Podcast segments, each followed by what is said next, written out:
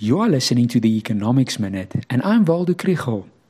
Statistics South Africa yesterday announced March's consumer price index, and inflation increased from 5.7% in February to 5.9% in March.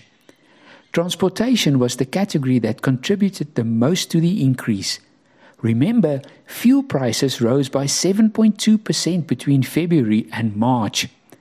There were also increases in the cost of air transport, bus transport, and tolls.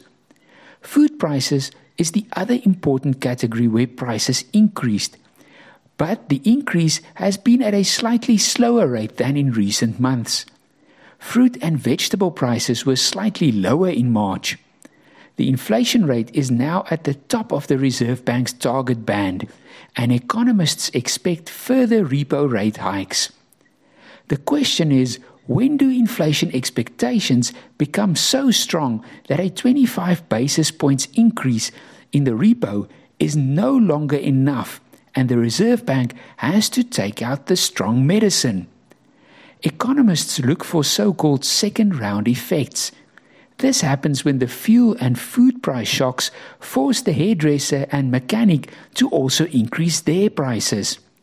There is no strong evidence of this at the moment. The quarterly survey of rental prices did increase by 0.6% month on month.